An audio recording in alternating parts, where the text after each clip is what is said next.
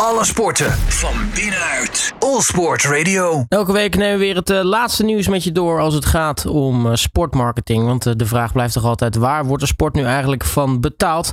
Nou, iemand die zich daar volledig mee bezig, dat is sportmarketeer Frank van der Walbaken. Frank, hele goedemiddag. Goedemiddag. Uh, ja, laten we beginnen met uh, Ajax. Want daar uh, zijn in nou ja, de loop der jaren natuurlijk heel wat transfer geweest. vooral van spelers die goedkoop gekocht werden en duur verkocht werden. Kortom, dat heeft volgens mij wel wat gedaan met de balans van de club. Ja, de club mag zich verheugen in een, in een prettige relatie met de bank. Um, Ajax heeft het natuurlijk deze zomer qua verkoop van spelers en de daaraan verbonden inkomsten het is zelfs het beste gedaan van alle clubs in de wereld. En dat voor een eredivisieclub, hè, vergeleken met de grootmachten elders in Europa. Maar Ajax kon voor 216,2 miljoen bijschrijven op dat goed gevulde bankrekening. Uh, dat ging via de verkoop van uh, Anthony, Martinez, Haller, Masraoui, Gravenberg, Onana, Danilo, Tagliafico en Schuurs.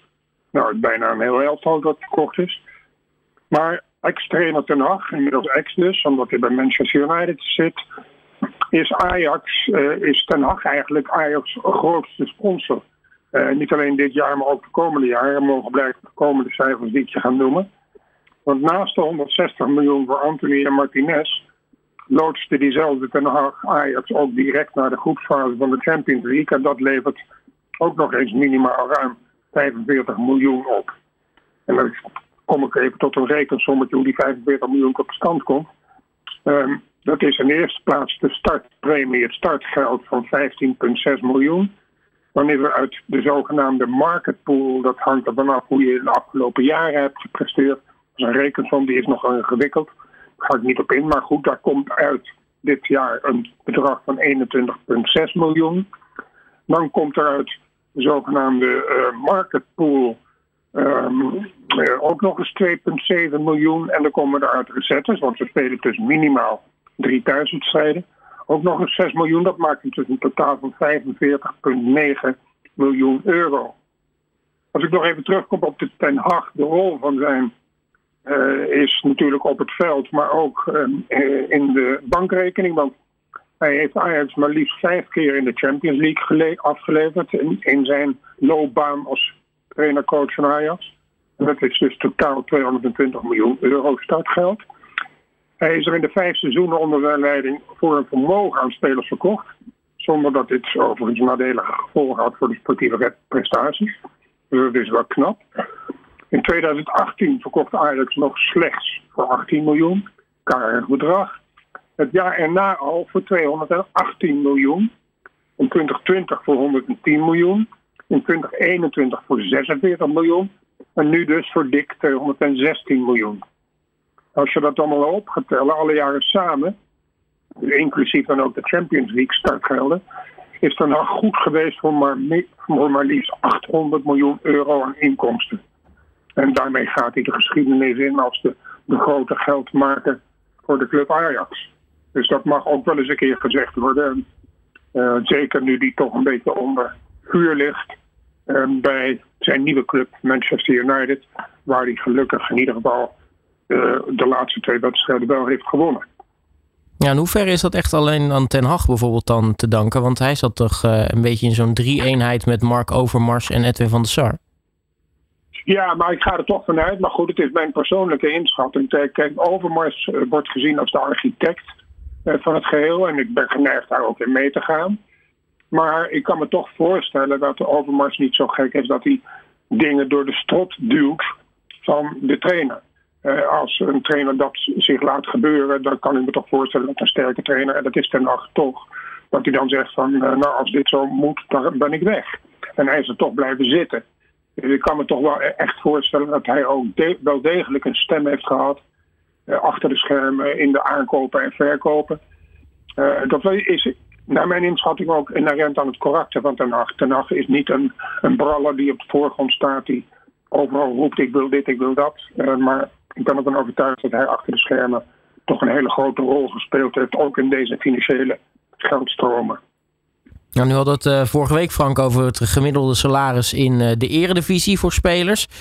nou, dat was natuurlijk al een vrij indrukwekkend bedrag. Maar je hebt even gekeken naar andere competities en hoe zich dat eigenlijk daartoe verhoudt. Ja, want als je het alleen beperkt tot de Eredivisie, dan gaat het misschien een, een, eigen leven leiden. Ondanks het feit dat ik ben, ben het met je eens, Robert, dat het uh, bedrag dat de gemiddelde Eredivisie-speler ontvangt, uh, zo om en bij de 220 miljoen euro is. Uh, dat is natuurlijk een prachtig bedrag. Maar als ik het dan vergelijk met de andere grote competities in Europa, en dan natuurlijk vooral met de Premier League in Engeland, wat helemaal de best betaalde competitie is en de meest geliefde competitie. En dat hangt natuurlijk met elkaar samen. Daar verdient de gemiddelde speler, gemiddelde speler 2,8 miljoen euro per jaar. Dat is dus ruim tien keer zoveel als in de Eredivisie. Als we dan La Liga in Spanje bekijken, dan is het 1,8 miljoen. Dat is al direct een miljoen minder dan Engeland. Maar dus, kan je dus in, ja, begrijpen hoe die voorsprong die de Premier League heeft de Bundesliga die zit op 1,4 miljoen. De Serie A Italië 1,3 miljoen. De Ligue 1 in Frankrijk op ruim 1 miljoen. Maar ja, en dan komen we in de Super League in Turkije, waar toch ook ruim bijna twee keer zoveel als de Nederlandse Eredivisie, want die zit op een kleine 4 ton. Uh, en in Rusland, ook wel grappig, krijgt de gemiddelde speler ook een kleine 4 ton aan, gemiddeld hè, als speler. Mhm. dus, uh, maar ook de Pro League in België, zit hoger dan eh, bij Nederland. En dat verbaast mij eigenlijk, want daar is het gemiddelde salaris 286.000 euro. Ik moet zeggen, niet miljoenen natuurlijk, 286.000 euro. En de Premier League een 389.000 euro. Dus uh, we bengelen eigenlijk onderaan in Europa wat de salarissen betreft. Want we zitten op plaats nummer 10. Nou, veel andere competities zijn er niet in Europa. Ja, en dat uh, terwijl we qua coëfficiënten toch richting de top 5 uh, stomen, dan is dat toch uh, behoorlijk knap. Um, ja. Dan de Bundesliga, Frank. die zijn serieus aan het kijken om de mediarechten te verkopen aan een investeringsmaatschappij. En dus is dat nu eigenlijk een soort van de derde partij die nu FC Barcelona achteraan gaat. Ja, inderdaad. In navolging van Barcelona en wellicht ook van Manchester United, hè, want die zijn er ook naar aan het kijken, is nu de Spaanse Liga uh, en, ook de Spaanse Liga trouwens. Het zijn dus al drie partijen die bezig zijn om te kijken naar de mogelijkheid van. Uh, Barcelona heeft dat al gedaan. Maar uh, kennelijk, als er één schaap over de dam is, we kennen het spreekwoord. Ook de Duitse Bundesliga is nu serieus aan het kijken naar het verkopen van een deel, of zelfs het geheel, daar bestaat nog twijfel over, van die mediarechten aan een investeringsfonds. Ehm, de Liga heeft overigens een, heeft de hulp uh, ingeroepen, of ik moet zeggen de Bundesliga, heeft hulp ingeroepen van de Deutsche Bank om een en ander te onderzoeken. Dat vind ik natuurlijk verstandig. En ook om het te begeleiden. Uh, kennelijk zijn er voldoende gegadigden, waaronder niet de minste partijen. Want als ik je de volgende namen noem, dan zou je dan een gevoel van herkenning krijgen, Robert. CVC, nou, is een partij die al zeer veel doet in sport. KKR, mhm. ook zo'n investeringsfonds. Blackstone, Advent. Allemaal grote investeringsfondsen die de sport al hebben ontdekt en veel daarin doen. Dus het zijn niet maar de eerste, de beste partijtjes die op goed geluk iets gaan proberen. Ehm, in eerste instantie zou het gaan om 20%, maar ze hebben de deur nog openstaan naar een groot percentage. En volgens de experts van de Deutsche Bank uh, en natuurlijk uh, van de Bundesliga zelf, uh, heeft die 20% een waarde van 3,6 miljard euro. Nou ja, ik kan me voorstellen dat de verleiding groot is om zo'n 20% percentage te verkopen. Maar aan de kant, andere kant blijf ik er sceptisch onder. Want ik vind dat je verkoopt een deel van je toekomst. En ja, als je een beleid uh, wilt bepalen, een lange termijn beleid, dan heb je toch de, de inkomsten nodig die, die je de toekomst brengt. En als je daar al een gedeelte van hebt verkocht, ik, ik, ik, heb, ik vind het een ontwikkeling die mij geen goed gevoel geeft. Maar goed, de vraag is nu natuurlijk, zou onze eredivisie ook al naar vergelijkbare scenario's kijken? Hè? De, de, huidige mediacontracten lopen, naar meen, in 2025 af. Dat is mhm. met het ESPN en ten aanzien van samenvatting uiteraard met NOS. Uh, dus nu de tijd om, om je niet alleen te oriënteren, maar zelfs al onderhandelingen te beginnen. En ik acht het de, de huidige baas van de Eredivisie, Jan de Jong, zeker toe dat hij een lange termijn beleid wil voeren en dat hij al de markt aan het verkennen is en dat hij wellicht hier en daar al gesprekken voert. Maar goed, dat is een hoofdstuk dat zeker wordt vervolgd. Ja, nu uh, zien we het uh, eigenlijk uh, als een soort van gouden constructie, hè? de City Football Group. heel veel partijen proberen dat nu een beetje achteraan te, of achterna te gaan. Zo ook nu de, de eigenaren van Southampton. die club is natuurlijk pas geleden verkocht. diezelfde partij heeft nu ook een Turkse club gekocht. ja, gaan zij ook proberen een soort van City Football Group te worden? Ja, het, het, het, levert de vraag op of er over enkele jaren überhaupt nog voetbalclubs zijn die baas eigen huis zijn. Want zo langzamerhand valt dat te betwijfelen. Zo valt deze week te constateren dat inderdaad wat je zegt, de eigenaar van Premier League Club Southampton, uh, die dus op dit moment in de markt schijnen te zijn voor Gakpo, dat even terzijde. Uh, maar de eigenaar van Southampton, het Engelse Sport Republic, kocht een 70% aandeel in de ook in de Turkse club. En ik weet niet hoe je dit uitspreekt, maar Göztepe uit Izmir. En het is notabene een club die in de Turkse tweede divisie uitkomt. Uh, dat vind ik best wel een merkwaardige stap. Maar goed, misschien zien ze potentie in die club en misschien is hij heel goedkoop. Maar Sport Republic kocht in januari van dit jaar al 80% van de aandelen in, uh, van Southampton voor 100 miljoen pond. Uh, um, ene Henrik Kraft, dus de CEO van Sport Republic, meldt nu dat het de bedoeling is van zijn Sport Republic om in een groot aantal voetbalclubs in Europa een meerderheidsbelang te bewerkstelligen. Uh, ook dit is dus duidelijk een uh, hoofdstuk dat wordt vervolgd. En ja, in navolging van de Citigroup, en er zijn ook andere initiatieven gaande, dat er met name weer ook weer Amerikaanse investeringsfondsen zeer nadrukkelijk willen investeren in een aantal Europese clubs. Waardoor de inkomstenbronnen voor die investeringsfondsen gespreid worden en daarmee het risico gespreid wordt. Ook dit vind ik een ontwikkeling ja, die ik eigenlijk toch wel gevaarlijk vind. Want die investeringsfondsen die zijn zonder meer valide, want ze, hebben hun track record is natuurlijk oké, maar ze zitten er natuurlijk maar met één doelstelling in en dat is geld verdienen. En uh, is, gaat dat op, op een gegeven moment toch niet. De sportieve resultaten op het veld, waar het om gaat in de sport, gaat dat, dat niet negatief beïnvloeden. Ik heb daar mijn twijfels over, maar misschien ben ik ouderwets. Uh, dat is misschien wel een gouden greep van die, die, die, club. Want uh, Göztepe is vorig seizoen gedegradeerd uit die uh, Turkse Super League. Dus ja, dan heb je waarschijnlijk uh, voor dit seizoen toch een van de sterkere ploegen in die, in die eerste divisie in Turkije. Nou ja, dan kun je misschien wel direct weer terug doorstoten. Ja, dat is natuurlijk zo. Maar als we naar eigen land kijken, Robert, en dat doe jij ook, dan zien we toch dat er absoluut geen wet is van mede en persen dat een zojuist gedegradeerde club onmiddellijk weer promoveert. Ehm, dus het risico, maar goed, dat is het risico van een investeringsfonds. Ja, dat is eh, uiteindelijk het risico wat ze nemen. Uh, dan um, de, het vrouwenvoetbal. Uh, daar is uh, goed nieuws. Want er schijnt een verwachting te zijn. of een projectie heet dat geloof ik dan hè, in die termen. Maar ja. dat de commerciële inkomsten de komende jaren zouden gaan verzesvoudigen. Ja, dat is een, een studie die is gedaan of uitgevoerd in opdracht van UEFA. Um, die studie heeft aangegeven dat de commerciële inkomsten in het vrouwenvoetbal in Europa de komende tien jaar zullen verzesvoudigen. Dus dat is nogal wat. De verwachting is dat in 2023 overigens de inkomsten zullen uitkomen op een bedrag van 686 miljoen per jaar. Uh, dat is opgebouwd. Sponsorinkomsten zullen 295 miljoen zijn en mediarechten zullen 256 miljoen zijn. Daar heb ik het dus over 2023. Maar dus in de komende tien jaar gaat dat dus verzesvoudigen. Nou, dan komen ze meer in de buurt van het mannenvoetbal. Uh, en dat is natuurlijk de grote wens van velen.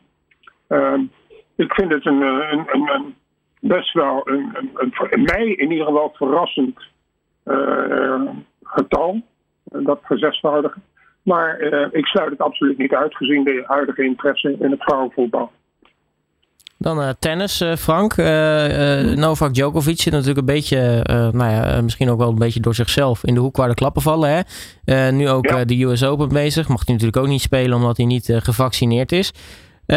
nou, volgens mij is, is, is hij het een beetje dusdanig zat dat hij nu zoiets heeft van: Goh, ik, ik richt gewoon mijn eigen ja, prof association richt ik op. Ja, hij is nogal recalcitrant en ik begrijp dat eerlijk gezegd niet. Als je als topsporter wil je toch wedijveren met de andere toppers. en dan wil je daar spelen waar de andere toppers spelen. En zeker bij de Grand Slams. Ja, en als je dan geweigerd wordt uh, in de US Open, die nu bezig is, en in Wimbledon, ja, dan ondergraaf je je eigen sportcarrière. Maar goed, hoe dan ook. Hij heeft uh, het initiatief genomen om uh, een PTPA, dat is de Professional Tennis Players Association, op te richten.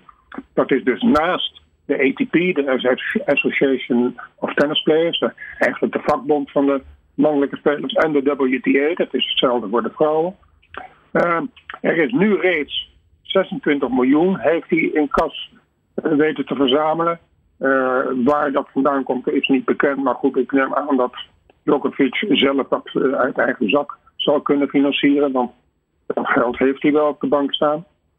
maar hij heeft ook steun gekregen van um, de miljardair Bill Ackman, een Amerikaan. die overigens geen onbekende is in de sportwereld. Um, zoals ik al zei, die PTPA zal naast de WTA en de ATP bestaan.